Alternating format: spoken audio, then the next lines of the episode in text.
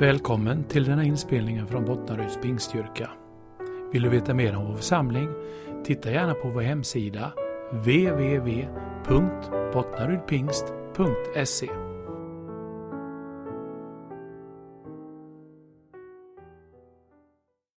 Okej. Hej! Andreas Kucke heter jag som Bengt, eller Sven-Inge sa det också. Jag är gift med Lena som sitter där och Harald lilla Agnes eh, på ett och ett halvt år. Och precis, eller kommer precis börja att jobba som assisterande pastor i församlingen här under ett års tid. Eh, så får vi se sen.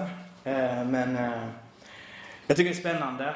Eh, en sån här dag kan man ha många känslor kring. Men något som, jag, som slår mig i alla fall, det är ju det här att det finns...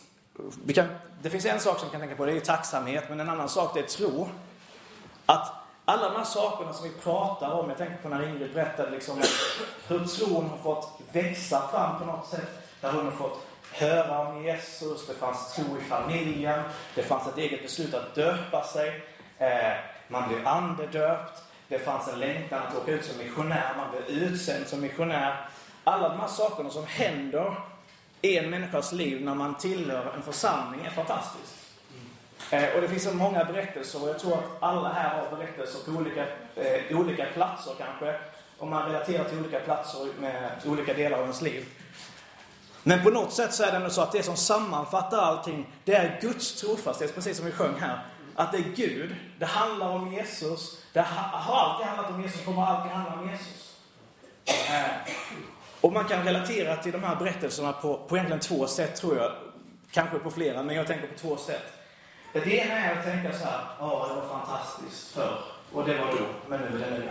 Eller så tänker vi att Gud, som Bibeln säger, den är samma igår, idag och i all evighet. Han kan göra samma saker. Kanske andra grejer, men han är samma Gud. Och det är det som jag tänkte jag skulle tala lite från. För jag, när jag fick, fick liksom förfrågan att eh, tala här under avskedsgudstjänsten eh, för det här kapellet. Inte avskedsgudstjänst för församlingen eller för Gud eller så att Gud försvinner inte bort. Och församlingen läggs inte ner. Men, men då, då, då kom de här orden till mig eh, eh, utifrån David. När David han hör om, om, om, eh, om Goliat. Och Goliat hånar och eh, liksom Israels folk. Jag fick det här till mig. Och jag har gått och burit på det i flera veckor och eh, det är bara som tankarna samman, jag satt, sammanfattade tankarna igår. Det, är inte, liksom, det kommer inte bli lång predikan. Det är bara några tankar som jag tror att Gud har lagt ner i mig som jag hoppas ska kunna uppmuntra dig på samma sätt som de här berättelserna om vad Gud har gjort tidigare. Eh, jag hoppas att det ska kunna hjälpa dig och, och, och mig att kunna se att samma sak som han gjorde då kommer han göra nu. Eh,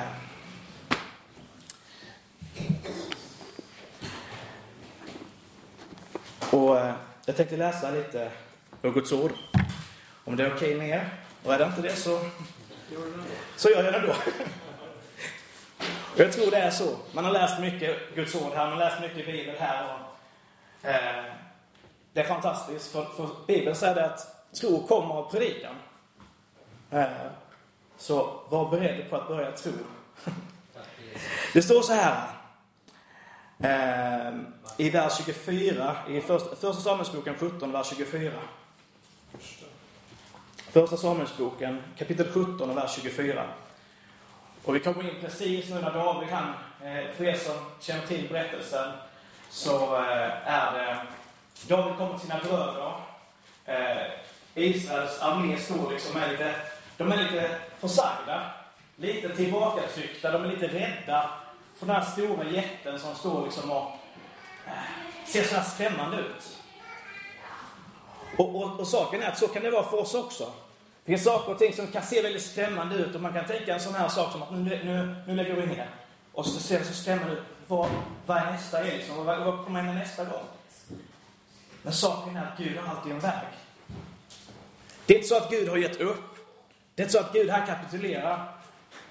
Även om, även om vi gör det ibland, vi drar oss tillbaka liksom och vi, vi säger att det funkar nog inte längre. Och, och, sådär. och precis så gjorde soldaterna. Och så står det så här.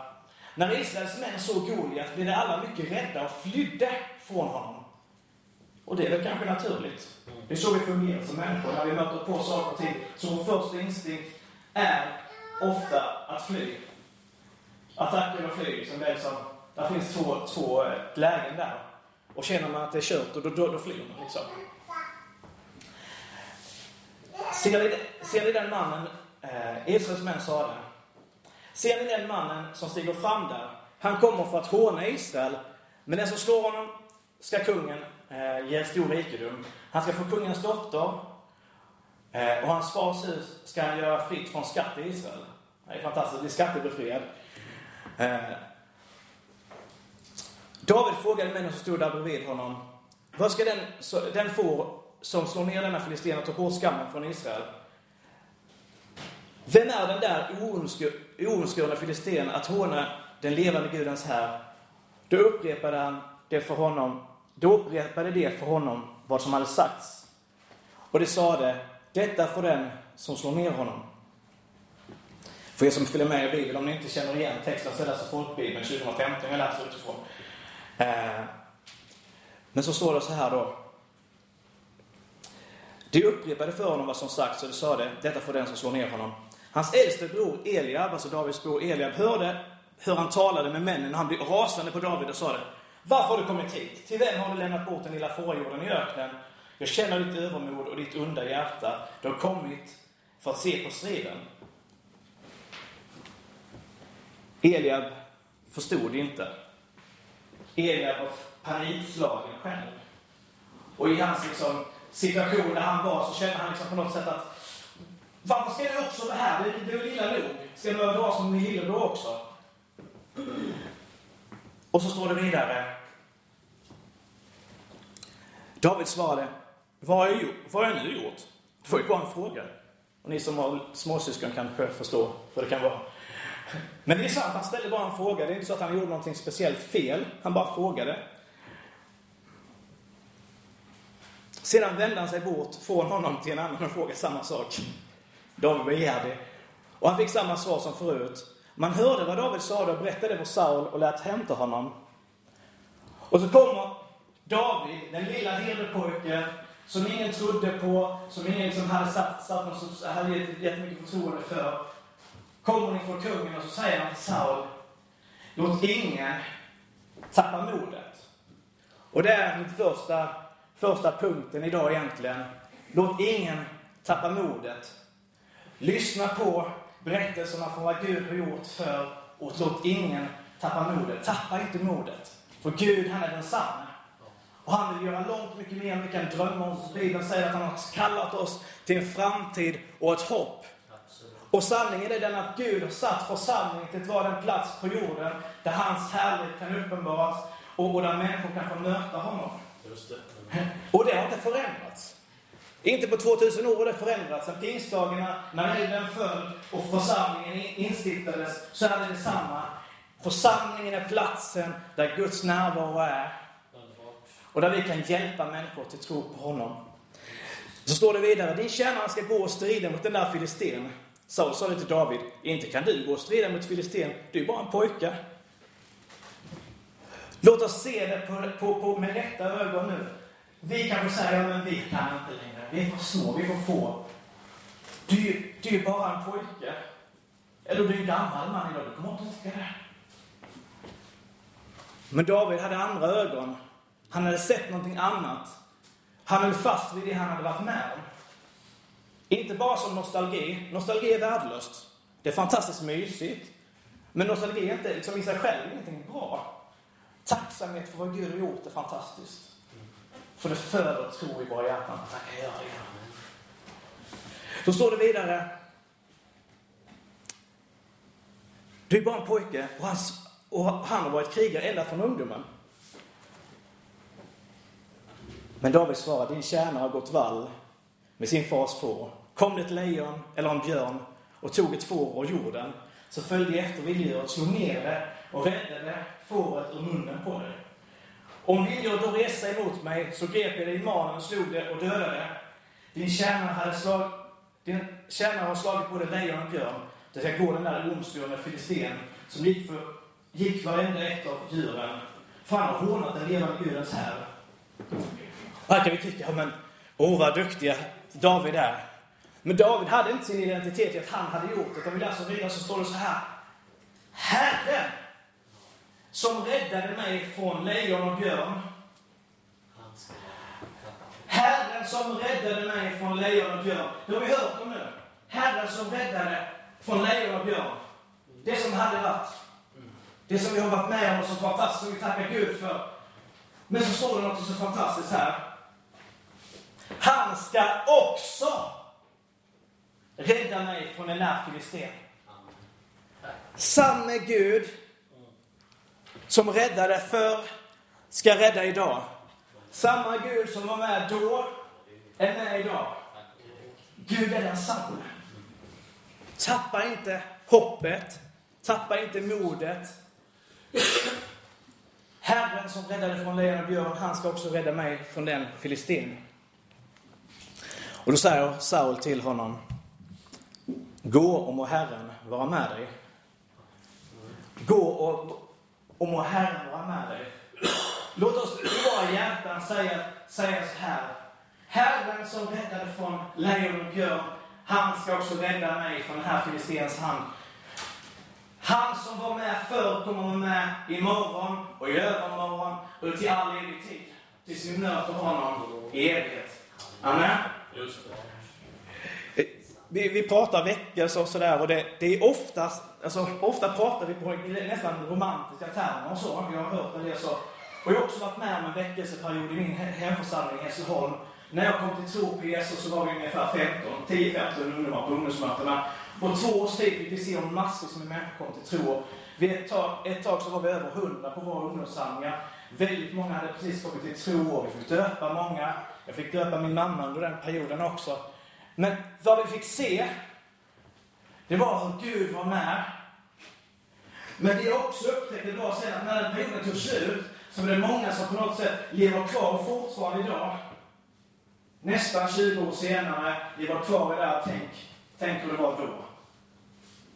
Vi pratar inte om människor som är som spelgamla, vi pratar om människor i min ålder alltså. 30-årsåldern. Som, som på något sätt känner, ja men vad händer nu då? Vad, vad, vad ska vi ta vägen? Gud är densamme. Och det jag ser här, och jag ser, jag hör ju berättelsen om, eh, om, om eh, hur ingen åkte till, till, till Sri Lanka till exempel. Det vi har fått se idag är att Sri Lanka kommer till Sverige. Vi har en, en medlem från Sri Lanka idag. Vi ser hur världen kommer till Bottnaryd om bara en liten stund. Eh, och, och, och, vi har ett levande arbete. Till, jag och Lina åkte till Sri för några år sedan och ser som hur människor kommer till tro. Det fortsätter, det slutar inte. Och Gud, han är densamme. Jag tror att den här hösten som vi kommer kom gå in i, kommer vara en av de mest spännande höstar som vi kan tänka oss. För det händer så mycket. Samhället förändras, men Gud förändras inte. Han är konstant. I Galaterbrevet 13 och 5 så säger Gud så här. Lev inte för pengar, utan nöja med vad ni har. Gud har sagt, jag ska aldrig lämna dig eller överge dig. Därför kan vi frimodigt säga, Herren är min hjälpare, jag ska inte vara rädd. Vad kan en människa göra mig? Mm. Alltså, jag ska aldrig lämna dig och jag ska aldrig överge dig. Det är helt otroligt fantastiskt. Det är alltså, på något sätt så tänker vi ibland så att Gud, han, liksom, han, han, han är här hos oss och lämnar han och så kommer han tillbaka liksom och så här, i vågor. Men Gud, han är konstant. Mm. Vad, vad, vad, säger, vad säger de liksom, när de, när de frågar liksom, vad ska jag göra för att bli frälst? När fångvaktarna frågar vad ska jag göra för att bli frälst? Då säger han, omvända dig, tro evangelium. Hur ska vi göra för att bli räddade som församling undan liksom, nederlag och, och nedläggning? Omvänd dig och tro evangelium. För samma kraft som uppväckte Kristus från de döda är nu verksam i er som tror, säger Bibeln. Evangelium är den kraften. Det är det som är så spännande. Att i alla tider så funkar det att tro på Gud. I alla tider så fungerar Gud. Jag kommer också ihåg de första, första vittnesbörden jag hörde om, om hur, hur liksom någon, någon hade blivit helad och sådär. Man, man längtade ju så själv efter att man skulle få vara med och be för någon och så fick jag faktiskt vara med om det. Eh, för ganska, ganska nyligen så fick be för en man i Bulgarien som blev helad. Eh, och liksom så här, och, och en kvinna, sen senare när jag kom hem från den resan så var det en kvinna i min, min mammas eh, bostadsområde som, som hade hört om detta. Så fick jag be för henne. Och samma Gud som funkar där, funkar här. Jag vet att det är så lätt att tänka liksom, när vi berättar massa mirakelberättelser från, från Bangladesh och från, från Afrika att men det händer aldrig här. Men det händer i Bottnaryd. Jag kan berätta många berättelser, men det är inte, liksom, det, är inte det som det handlar om. Utan det handlar om att Gud är densamma igår, idag, i all evighet. Underbart. Bibeln säger också så här, eh, och det är ju missionsbefallningen, så gå ut och gör alla människor till lärjungar. Döp dem i Faderns, Sonen och den helige Andes namn och lär dem att hålla allt som jag befallt er. En av de sakerna som Jesus befallde oss att göra var faktiskt det att gå ut, predika och besvika, bota sjuka. Så det var en av de saker som faktiskt befallde oss att göra. Så håll det liksom. Vi börjar där, så blir det bra. Och så står det, något som är så otroligt bra, för Gud är konstant. Han sa, jag ska aldrig lämna dig, jag ska aldrig överge dig. Nu står det här i slutet på, på vers 20, eh, Matteus 28 och 19 till 20, så står det i vers 20, och se. Och se. Jag är med er alla dagar till tidens slut. Är tiden slut än? Nej. Han är med oss alla dagar fram till tidens slut. Så länge tiden är slut så är han med oss. Jag hoppas ni blir lite uppmuntrade. Jag känner att det har gått några flera veckor så jag bara tänkt på de här sakerna. Han som räddade mig, Herren som räddade mig från lejon, räddade mig undan lejon och björn, han ska också rädda mig från den här filistens hand, ur den här filistens hand. Eh, tänkte bara att jag skulle läsa ett citat eh, från en kille som kanske en del har läst böcker av och sådär. finns mycket översatt till svenska. Eh, kanske inte så mycket nya böcker. Man snackar väl om böcker som trycktes någon gång när det här kapellet byggdes. Eh, och liksom framåt. Såldes säkerligen på en del Köllingareds-veckor och Nyhemsveckor och sådär. Han hette Charles Spurgeon. Eh, och han predikade just om vad Gud hade gjort i historien. Eh, Hans predikan hette The Story of God's Mighty Acts, alltså berättelsen om Guds mäktiga gärningar. Det är liksom en av hans predikningar som finns sammanfattad i en bok. Eh, och så står det, översatt till svenska här, så står det när människor talar om vad Gud brukade göra, säger Spurgeon, så brukar en del av deras kommentarer vara Ja men, det var länge sedan. Ja men, det var länge sedan. Har ni hört det någon Jag har hört det. Jag har säkert, jag till och med sagt det själv och jag tror att om vi ska vara riktigt ärliga så har vi nog gjort det lite till mans, eller i alla fall tänkt det. Och så säger Spurgeon, jag trodde det var Gud som gjorde det. Har Gud förändrats? Är han inte en oföränderlig Gud? Densamme igår, idag och för evigt? Är det inte så att detta formar ett argument som bevisar att om Gud gjorde det en gång kan han göra det igen? Nej, jag tror att vi måste ta ett steg längre och säga vad han gjort en gång är en profetia om vad han tänker göra igen. Vad helst Gud har gjort ska ses som en förutsägelse. Alltså det som Gud har gjort i historien profeterar om vad det han vill göra i framtiden. Det är liksom inte bara någonting som han gjort, utan något som han vill göra för Gud är konstant. Är ni med på det? Absolut. Och, och på samma sätt som det startades kapell och annat sånt under, under lång tid, så tror jag att vi kan vara med och starta upp nya församlingar genom den här församlingen. Jag kan ju bara, alltså, som en liten passus kan jag säga det, jag kommer jobba 50% under, under höst och vår här. Eh, men jag kommer också att coacha ett församlingsplanteringsteam eh, på distans lite grann och kanske lite grann även på plats. Kommer pendla någon dag eller två, en till två gånger i månaden till Göteborg för att vara med och hjälpa, hjälpa dem igång. Eh, det gör vi utifrån vår församling. Vi är med och skapar en församling i Göteborgs innerstad. Vi kan inte med liksom ekonomiskt och backa upp, men, men saken är att som medlemmar är vi med. Alltså, jag vill bara att vi ska vidga perspektivet lite. Så vi ser att Gud fortsätter. Han fortsätter, han tänker inte sluta.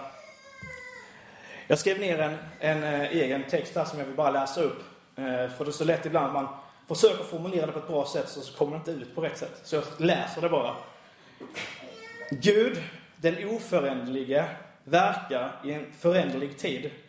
Han är densamme, men hur han möter människor förändras. Hur människor får tillgång till evangeliet förändras. Men Guds kärlek och hans tanke med församlingen, det är densamma.